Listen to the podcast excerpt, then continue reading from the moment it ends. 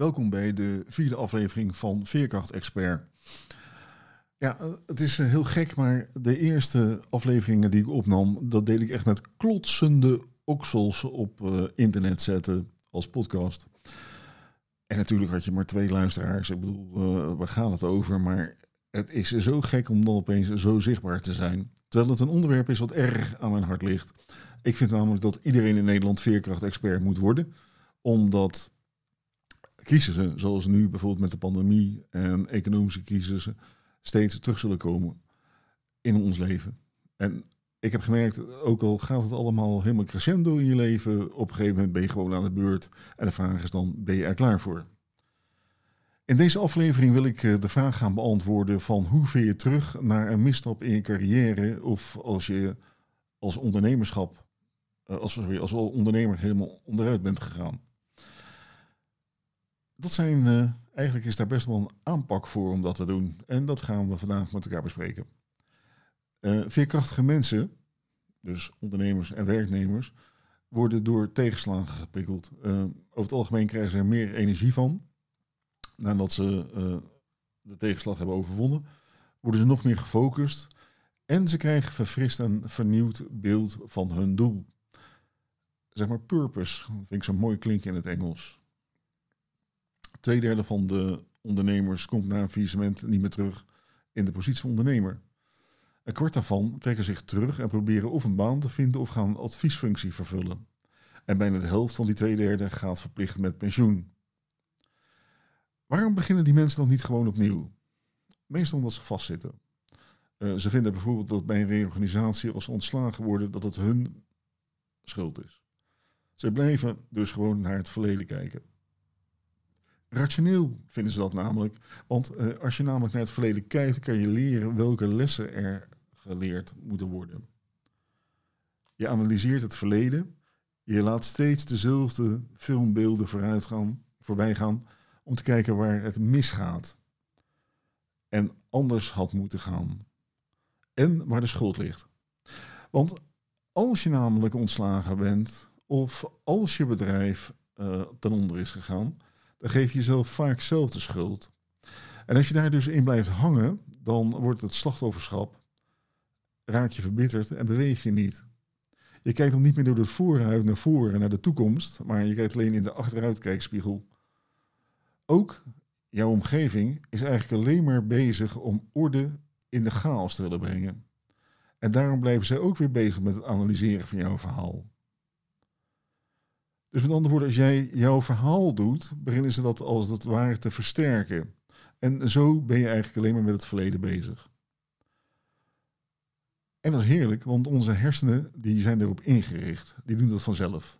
Die houden van het drama en de chemische stoffen die daardoor vrijkomen. En dat vinden we heel erg lekker. We gaan als het ware de cola en de popcorn klaarzetten om weer die slechte film te bekijken. Dan kunnen de omstanders hun mening weergeven en houden zo ook in stand dat jij alleen maar met het verleden bezig bent. En die film, die rampenfilm eigenlijk, die wordt vertoond in een eindeloze loop. En het is zo gek. In die film ben je als gesjeesde ondernemer of ontslagen werknemer niet de held van het verhaal. Want soms zijn we net mensen en dus hebben we emoties onze emoties die zitten vaak hoog en vaak ook in de weg. Als je in de ontkenningsfase zit, als je boos bent, woedend zelfs, ja, wat doe je dan? Herinner je dan dat falen? Dat dat eigenlijk het begin is van iets nieuws. Als je opstaat. En het einde is van iets ouds. Iets ouds dat eigenlijk niet meer werkt. Want zolang er leven is, is er hoop, zeggen we altijd. En dat betekent dat als je gewoon weer gaat bewegen, een gefocuste richting uit, dat je altijd een comeback kan maken. En een comeback kan je met name maken als je kijkt naar de toekomst. Want die is namelijk onbeschreven. Het helpt namelijk bijzonder als je het oude spreekwoord regeren is vooruitzien naleeft. Begin dus tijdig preventieve maatregelen te nemen in plaats van reactieve maatregelen. Maak van tevoren een parachute voor een crisissituatie. Dus voordat het vliegtuig naar beneden dondert. In plaats van dat je een parachute in elkaar gaat zitten naaien terwijl je al in vrije val bent. Want dan blijkt opeens dat je te weinig stof hebt of de verkeerde bajonetsluitingen. En alleen James Bond of Tom Cruise is vallend in de lucht dan in staat om nog iets te doen. Terwijl de uh, muziek van Mission Impossible bij Tom Cruise op de achtergrond meeblaert, horen wij gewone stervelingen alleen maar in ons brein het steeds herhalende thema Impossible, Impossible. In nood leer je je vrienden kennen. Dat is een ander goed Nederlands uh, bekend gezegde. Wanneer je namelijk in de problemen zit, wordt duidelijk welke vrienden daadwerkelijk iets voor je willen doen. En daar is ook weer iets heel geks mee. Mensen die gaan scheiden bijvoorbeeld, uh, die merken dat ze eigenlijk 80% van hun vriendenkring verliezen. Je zult ontdekken dat zelfs mensen die het heel goed met je voor hebben, waarmee je langdurige vriendschap hebt, je misschien willen vermijden. Of liever gezegd, jouw situatie, jouw verhaal willen vermijden. Ze weten eigenlijk niet wat ze moeten zeggen of doen. Wat je dan kan doen is jezelf openstellen naar hen. Vertellen dat je hun hulp nodig hebt. En heel erg cruciaal, niet alleen vertellen dat je hulp nodig hebt, maar ook wat je van hen verwacht. En hoe ze jou kunnen helpen. Dan ga je namelijk heel duidelijk voorbij aan het stadium. Sterkte met alles, hè? En laat me weten als ik kan helpen. App me maar. Door gesprekken met anderen wordt ook weer duidelijk voor jezelf wat voor hulp je nodig hebt. En daarom is het belangrijk dat je je verhaal duidelijk krijgt. Doe aan storytelling, zouden we zeggen in sociale media. Zorg dat je je verhaal helder hebt voor jezelf. Dan is het namelijk ook helder voor anderen. De elementen van dat verhaal veranderen niet. Ontslag is ontslag, faillissement is faillissement, ziekte is ziekte. Maar hoe het verhaal verteld wordt, dat is jouw belangrijkste bijdrage. Want hoe ging jij nou om met die tegenslag in je leven? Wordt het een verhaal van een verliezer of wordt het een verhaal van een winnaar? Is het ik worstel en kom boven, zoals in het provinciewapen van Zeeland staat? Of wat? Heb je gefaald en bleef je liggen? Of stond je op en ging je toch weer wat doen? Door dat verhaal helder te krijgen, wordt het duidelijk wat er fout ging en hoe je er daarna mee bent omgegaan. Wat we natuurlijk graag willen, is een soort van oerknal, een toverstaf of een Hollywood-moment waarin alles opeens goed is. Het orkest in de film begint opeens te spelen en we rijden naar de zonsondergang met onze geliefden. Wat we vergeten is dat alle successen voorafgaande aan dat falen een kwestie van doorgaan, doorgaan, geloven in jezelf, doorgaan, doorgaan, tot je de, ergens de juiste persoon op de juiste plaats en op de juiste tijd bent. Veerkrachtige mensen weten tegenslagen te, onder, te overwinnen, doordat ze bewust kiezen om een aantal stappen te zetten. Ze gaan dus in beweging. Het eerste wat ze zeggen is: ik besluit om terug te vechten. Ze bepalen daarna hoe ze terugvechten, wie ze daarvoor nodig hebben en wat ze van die mensen gaan vragen om die strijd in de toekomst ook te kunnen strijden. Ze maken voor zichzelf helder welke stappen er genomen moeten worden en zetten die ook. Desnoods in kleine stapjes. Elke dag weer een stap om ergens anders te komen. Om van planeet A, het falen, naar planeet B te gaan, de nieuwe situatie. Dat betekent dus zonder Big Bang, zonder Hollywood Orkest. Doordat je die stappen zet, in het begin zal je natuurlijk best wel zenuwachtig zijn en onzeker misschien. Zoals ik bijvoorbeeld ook met deze podcast had toen ik begon. Ik bedoel, je investeert in apparatuur. Je moet uitvinden hoe die apparatuur werkt. Uh, je zit uren te staren of je nou wel een intro- en outro muziekje moet hebben, wat ik nog steeds niet gevonden heb. Ik hoor allemaal leuke dingen, maar nog niet uh, hoe ik dat moet uh, verwerken. Je doet met klotsende oksels, doe je uiteindelijk je ingesproken podcast op internet zetten. Het is alsof je je baby aan mensen geeft en zegt, ja, hier heb je het. Je hebt geen idee wat ze ermee gaan doen. En dat doe je eigenlijk alleen maar omdat je uiteindelijk moedig vindt, moed hervonden hebt. Daardoor creëer je een nieuwe identiteit of vernieuw je je eigen identiteit. En omdat je dan je moed hervonden hebt, weet je weer wat de echte missie en doel is in het nieuwe leven. En ga je aan de gang om dat te doen. We weten inmiddels dat veerkrachtige mensen uh, er altijd beter uitkomen. Dat ze gelukkiger zijn, gezonder, betere relaties hebben en dus uiteindelijk dus ook meer geld. Als ze dus grote tegenslag hebben, uh, een bedrijf gaat failliet of ze worden ontslagen, dan doen ze in ieder geval één ding. Ze maken een plan om terug te vechten. Want wil je terug naar de oude situatie, wat waarschijnlijk heel veel energie en geld kost, alleen maar om te laten zien dat je gelijk hebt, of word je uitvinden van iets nieuws, je nieuwe zelf? Wat zo moeilijk daaraan is, is dat onze hersenen, behalve geprogrammeerd door drama, ook geprogrammeerd zijn op het in stand houden van de status quo. Dus hoe slecht onze situatie ook is, je blijft zitten waar je zit, want je kunt er met geen mogelijkheid weten hoe de toekomst of de nieuwe situatie eruit komt te zien. En daar houden onze hersenen niet van. Want dat betekent verandering. En wij mensen kunnen slecht tegen verandering. Dat zorgt namelijk voor onzekerheid. Daar worden we zenuwachtig en gespannen van.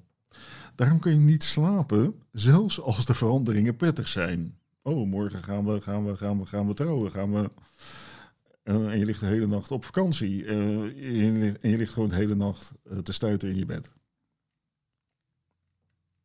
Dus je energie in een gevecht met je oude werkgever aan? Of zeg je, nou nee, laat ik die energie gebruiken om mezelf te vernieuwen en er beter uit te komen?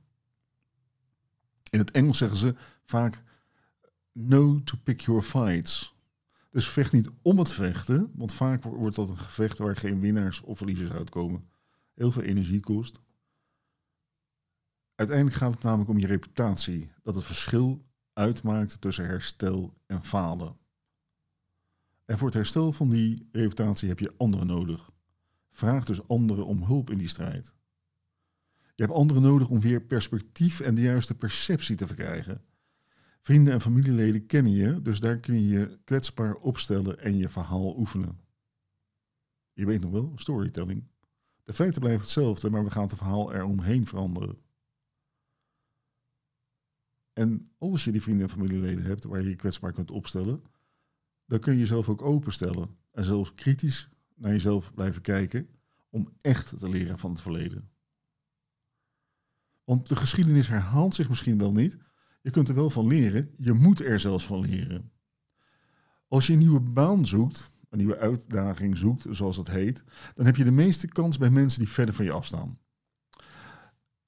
Om een andere baan te vinden. Dat klinkt misschien gek, maar meestal zijn de mensen die dichter bij jou staan in dezelfde vijver aan het vissen.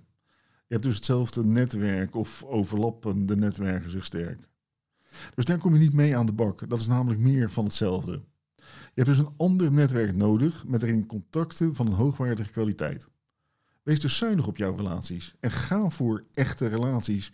Relaties van een goede kwaliteit die ook jou als mens hoogachten. Relaties die gebaseerd zijn op eerlijkheid,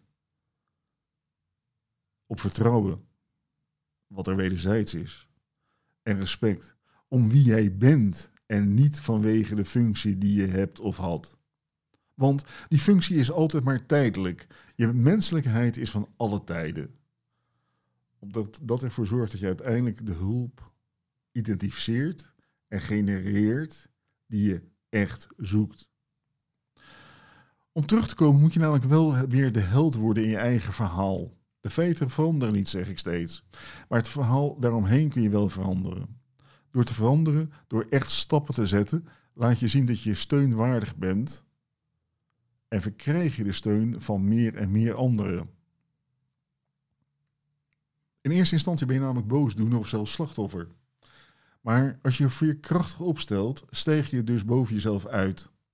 En krijg je de kans om weer de held van jouw verhaal te worden. Als je fout hebt gemaakt, maak dan eerst echt gemeende en authentieke excuses. Wij mensen zitten zo in elkaar dat we iemand dan ook willen vergeven als het maar oprecht is. En die iemand daarna er ook naar gaat leven. Veerkrachtige mensen zijn ook moedig. Want als je moedig bent, dan ben je alweer anders dan anderen. Moedig zijn en moet tonen aan de wereld is niet makkelijk. Als je weer kunt functioneren op een beetje niveau, dan heb je ook direct het vertrouwen weer terug.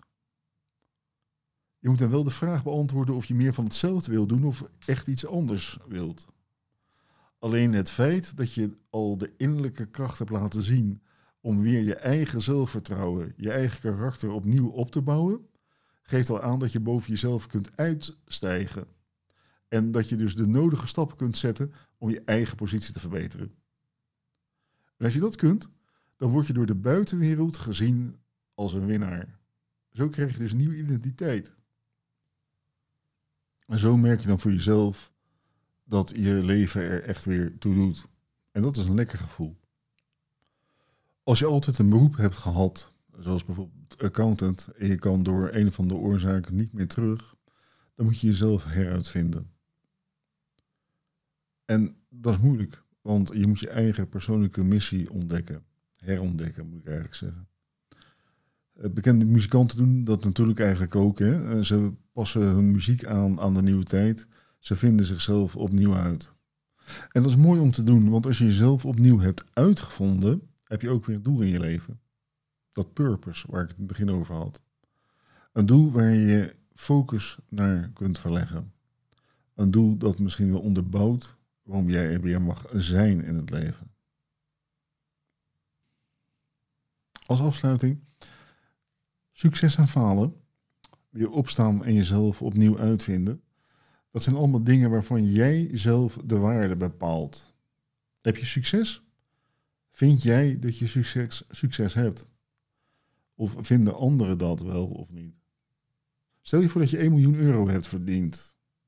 Voor de meeste mensen buiten je om geldt het als succes. Voor iemand die meer dan 100 miljoen euro bezit, is het een fooi en is dus geen succes. Ga je dan dus luisteren naar de meeste Jan Modalen of Henk en Ingrid, zoals we tegenwoordig zeggen, dan heb je succes. Luister je naar de miljonair die 100 miljoen euro bezit, die vindt dat klein geld. En als je nu weet dat onze hersenen dol zijn op drama, op vergelijken met anderen, is het gras groener daar. Als je jezelf dan niet goed kent, dan ben je niet blij met die 1 miljoen euro. Dan haal je jezelf naar beneden. Dus de eerste stap naar succes of falen is het bepalen van je eigen definitie daarvan. Want als je weet wie jij bent en als je weet hoe je succes of falen definieert, dan bepaal je zelf of je het waard bent. En eigenlijk dus ook wat jouw waarde is. Daar heb je geen buitenwereld voor nodig. Dat is wat veerkrachtige mensen doen. Veerkrachtige mensen zijn over het algemeen financieel beter af, voelen zich gelukkiger en hebben betere relaties. Als jij ook veerkracht-expert wil worden, en dat wil jij, want die crisis die komt eraan. En als jij denkt, ik heb misschien nog helemaal goed gedaan uh, in bijvoorbeeld uh, het reageren op de pandemie, dan wil jij gewoon ook een aantal vaardigheden ontwikkelen, waardoor je er straks beter uitkomt. Meld je dan aan bij veerkrachtexpert.nl voor de nieuwsbrief. Je wordt op de hoogte gehouden wanneer de nieuwe podcastaflevering er is. En je kan straks een cursus doen om veerkrachtexpert te worden. Dankjewel voor het luisteren. Uh, ik vond het heel erg leuk. En volg mij ook op Instagram. Dankjewel.